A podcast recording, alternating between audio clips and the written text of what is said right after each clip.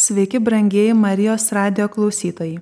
Eterija laida Žodžio šviesoje.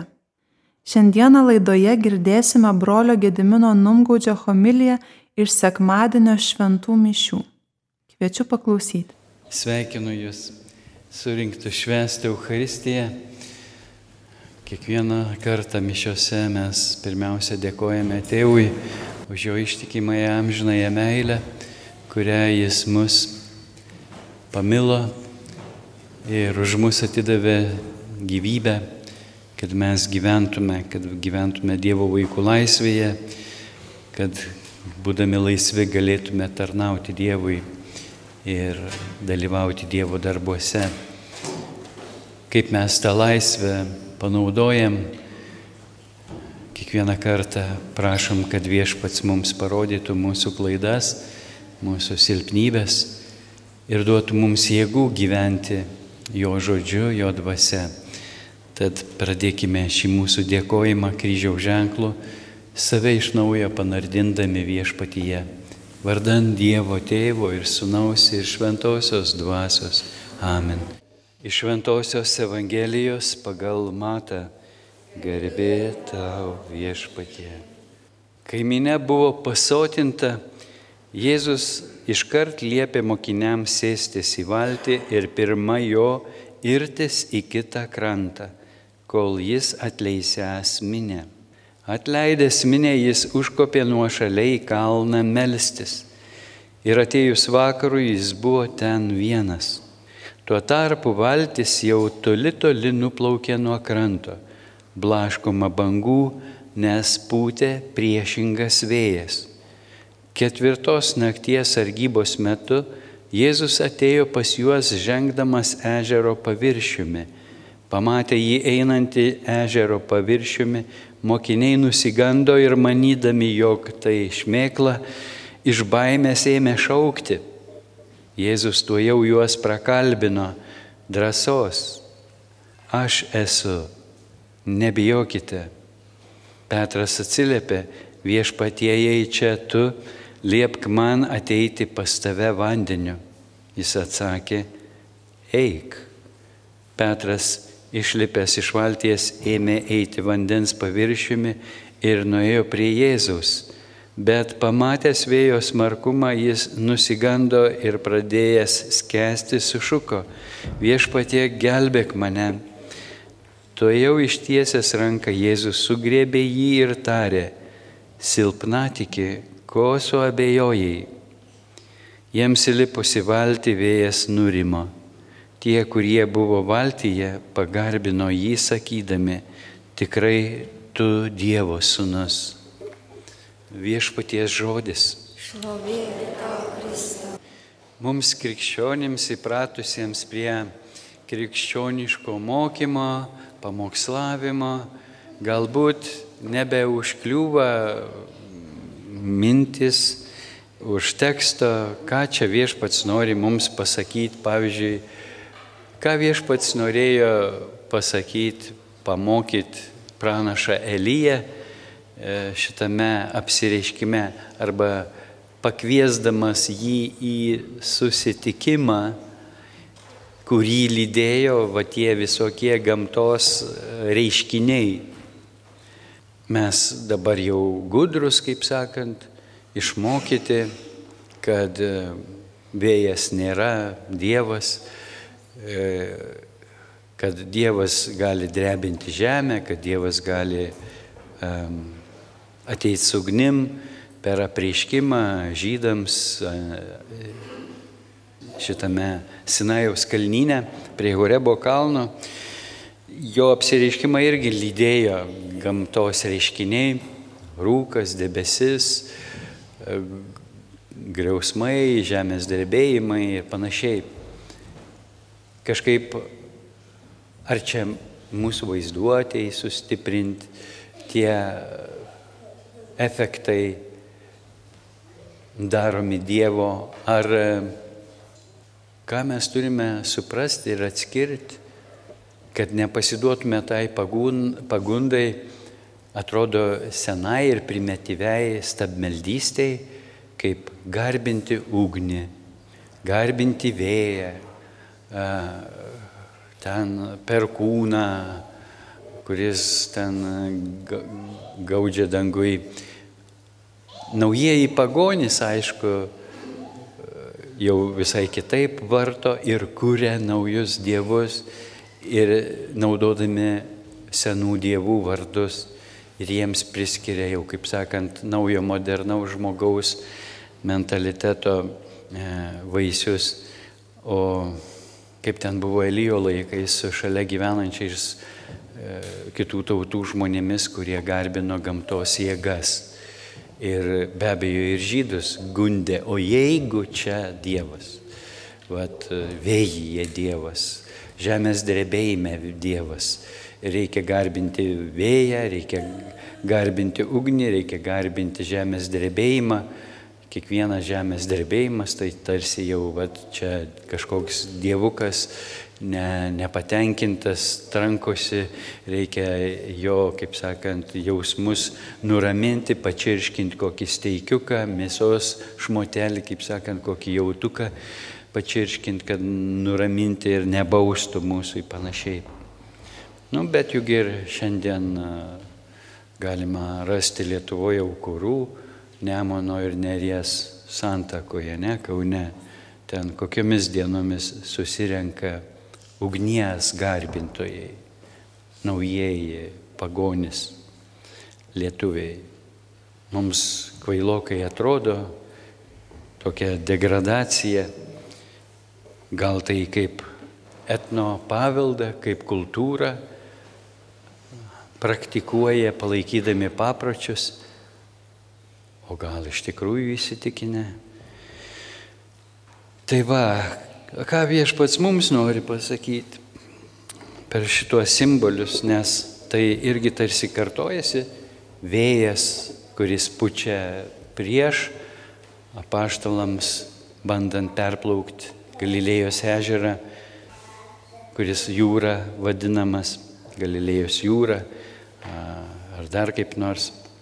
Ir anomis dienomis atėjo Elijas prie Dievo kalno Horebo ir įlindęs į olą joje praleido naktį.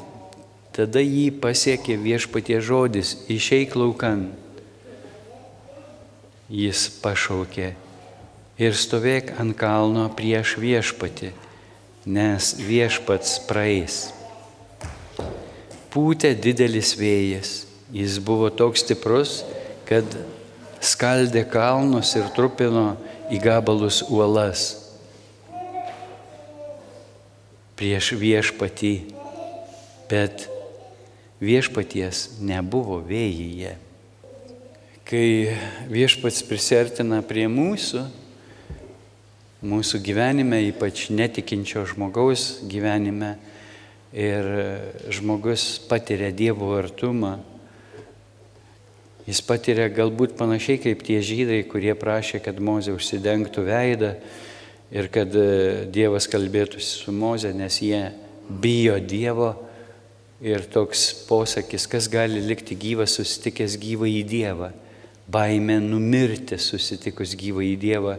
Iš kur tai buvo? Ar iš tokios pagarbios Dievo baimės, ar iš va, tų tokių stichinių nelaimių patirties, bet ta baime, ko gero, yra mūsų viduje, mūsų prigimtyje, dvasios, kurios mm, bando mus atskirti nuo Dievo ir e, išlaikyti mus atskirtus nuo Dievo, kad liktumėm žinai pragaro grobiu, jos nerimauja mūsų viduje kai Dievas prisertina, kad tik mes nepažintume Dievo, kad tik mes neįtikėtume Dievu, kad tik mes nesigręžtume, kad tik neištrūktume iš jų lėtinų, kyla samišis, kyla vėjas. Taip kaip gamta atrodo reaguoja į kurėjo prisertinimą, tai ko gero turėtume perkelti į savo vidų ir atpažinti savo vidui tuos reiškinius, ką mes patyrėm susitikę pirmą kartą su gyvoju Dievu, jeigu susitikom. o gal teks susitikti. Tai va, mūsų prigimtis priešinasi, nes mes norime gyventi įprastą, saugų mums atrodo gyvenimą pagal savo užgaidas ir supratimus. Bet susitikę gyvą į Dievą mes suprantam, kad nebegalėsim taip gyventi, kaip gyvenom iki šiol, kad mūsų gyvenimas neišvengiamai turi keistis. Mes pažinę Dievą jau nebegalim gyventi pagal savo supratimus, mes turėtume gyventi pagal Dievo žodį, o tai dažnai neįeina į mūsų planus.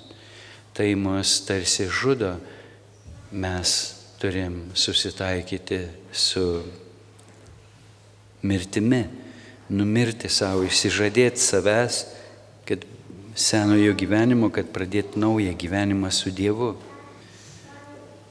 Po vėjo žemės drebėjimas, kai viešpats paliečia mus, paliečia mūsų širdį, tarsi viešpaties koja paliečia žemę ir ta žemė sudreba nuo kurėjo prisilietimo, sudreba mūsų širdis nuo jo prisilietimo, mes būnam sukrėsti Kas esat patyrę tokį sukretimą?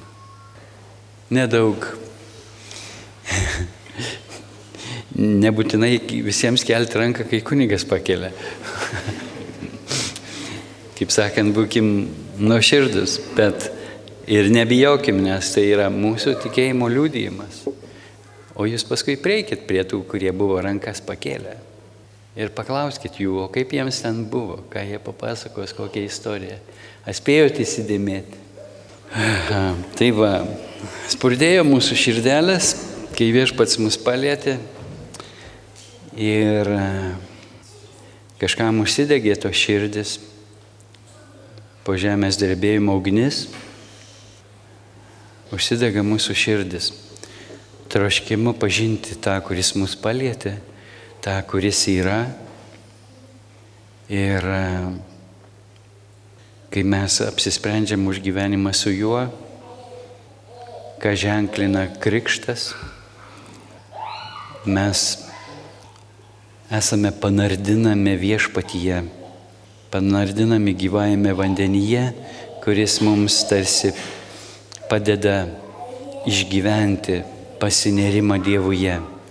Na, šiandien mes nebenardinam žmonių, tik užpilam vandens, bet ir taip mažesniems vaikams būna sukretimas, tiesiog būna, kad sudreba visas riksmas ten, ugnis iš burnos, kaip sakant. O paskui, e, kai patepam chrizmos aliejumi, kuris ženklina šventosios dvasios dovaną, daugelis vaikų nurimsta, tarsi persikeičia, tarsi tas ramus vėjelis pūstų, ateina tas šalom viešpaties pagoda, ramybė, jo artumo pagoda, kuri suteikia tą šalom jausmą, tos ramybės, taikos, harmonijos, saugumo jausmą.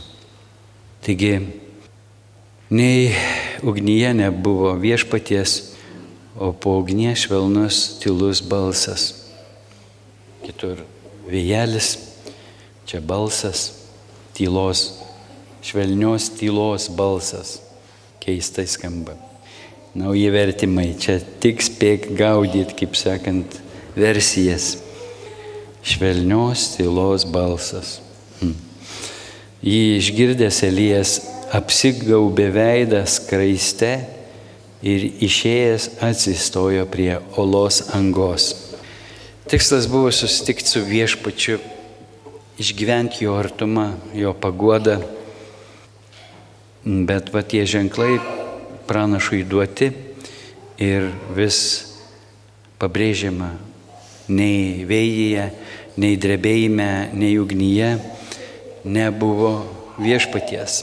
Tai tik jį lydinti ženklai, bet būna taip, kad mes savo dvasiniam gyvenime prisirišam prie tų reiškinių, prie tų patirčių ir e, siekiam jų, kaip vėl pasidaro kaip tikslas. Ne pats viešpats, bet tie reiškiniai.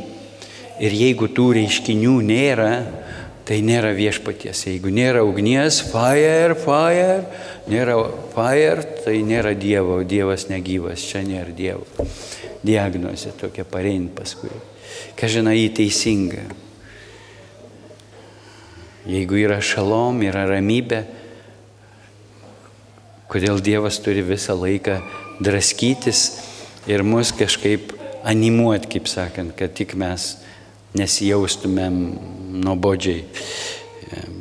Tai va, ir mums reikia išmokti atskirti tuos reiškinius, kurie lydi Dievo ateimą į mūsų gyvenimą, Dievo prisilietimą, atskirti nuo paties Dievo, kad mes siektume Dievo, o ne tų mums brangių, be abejo, brangių patirčių ir to drebėjimo širdies, ir tos ugnies, karščio, Visą tai brangu ir svarbu ir mes prašom kasdien, kad viešpats palaikytų mumise šventosios dvasios ugnį, bet tikslas yra pats Dievas.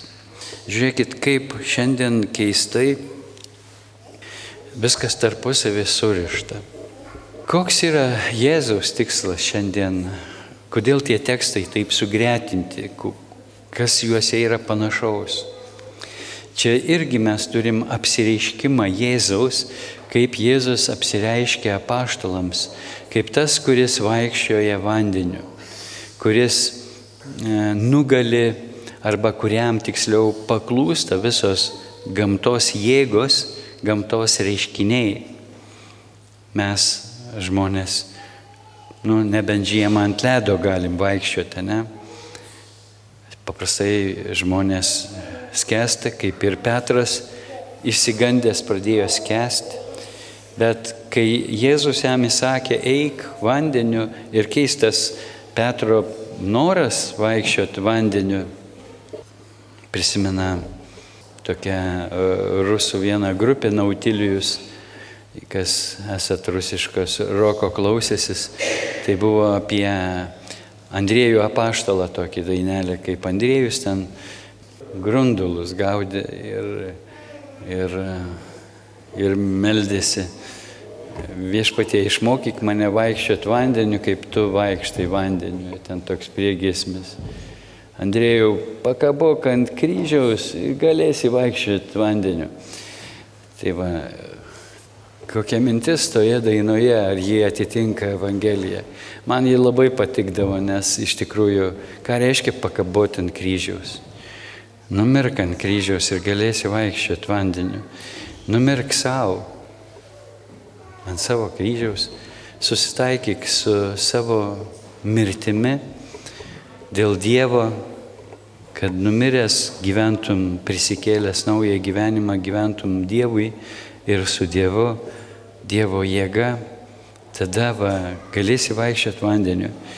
Galėsi tada gyventi klusniai Dievo žodžiu ir ir tu su Kristaus dvasia nugalėsi tuos gamtos reiškinius, visus tuos pavojus, kurie mūsų gyvenime mus gazdina ir verčia mus apsidrausti, saugotis.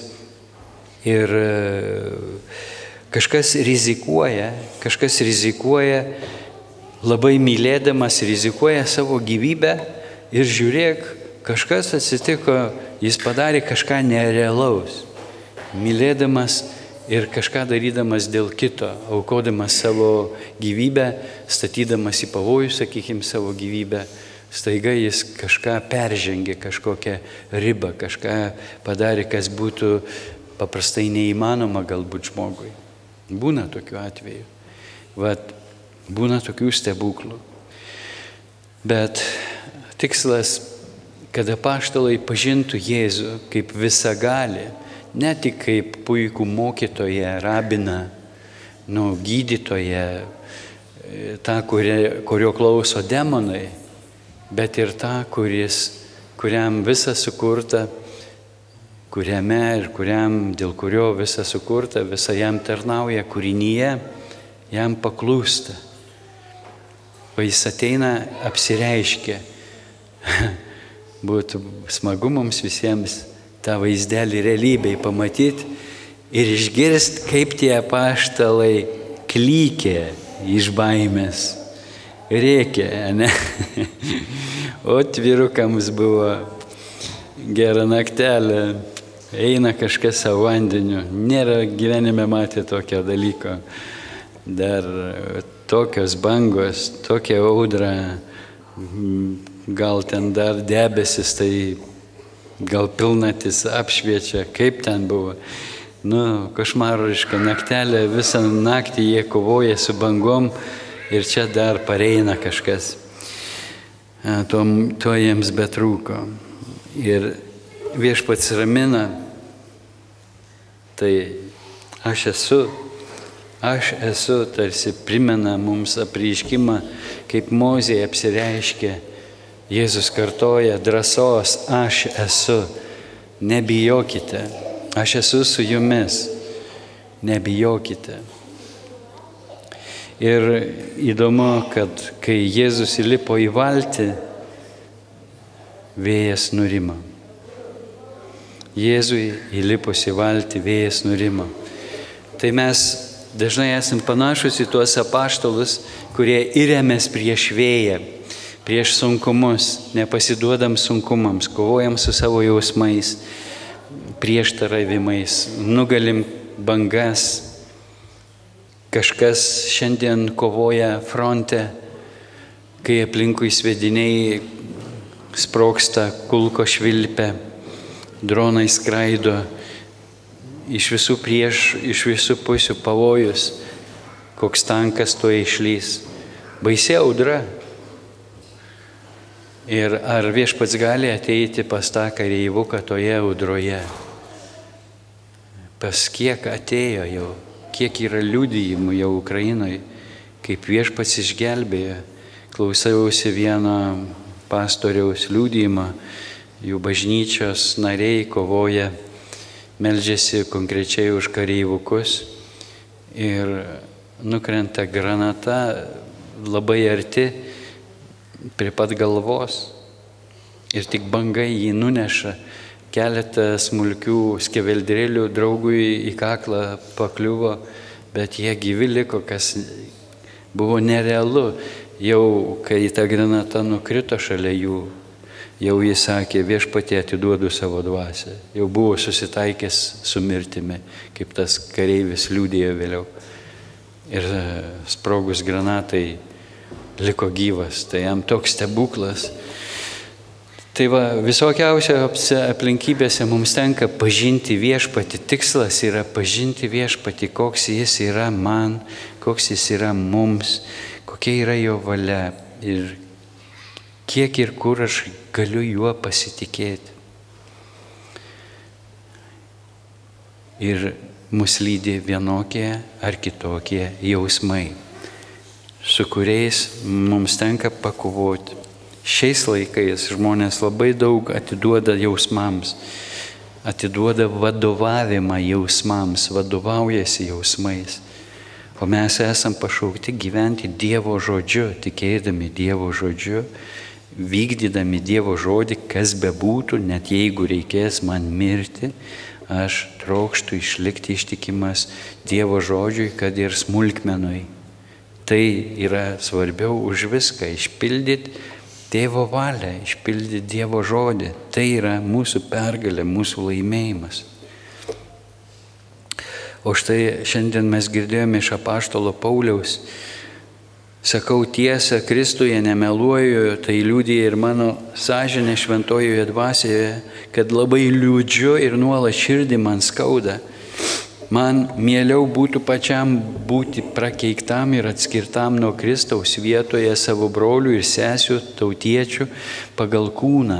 Jie yra izraelitai, turintys į vaikystę garbę, sandoros įstatymų leidimą, Dievo garbinimą ir pažadus jiems priklauso protėviai ir iš jų kūno atžvilgių yra kilęs Kristus visiems viešpataujantis Dievas šlovingas per amžių amžius.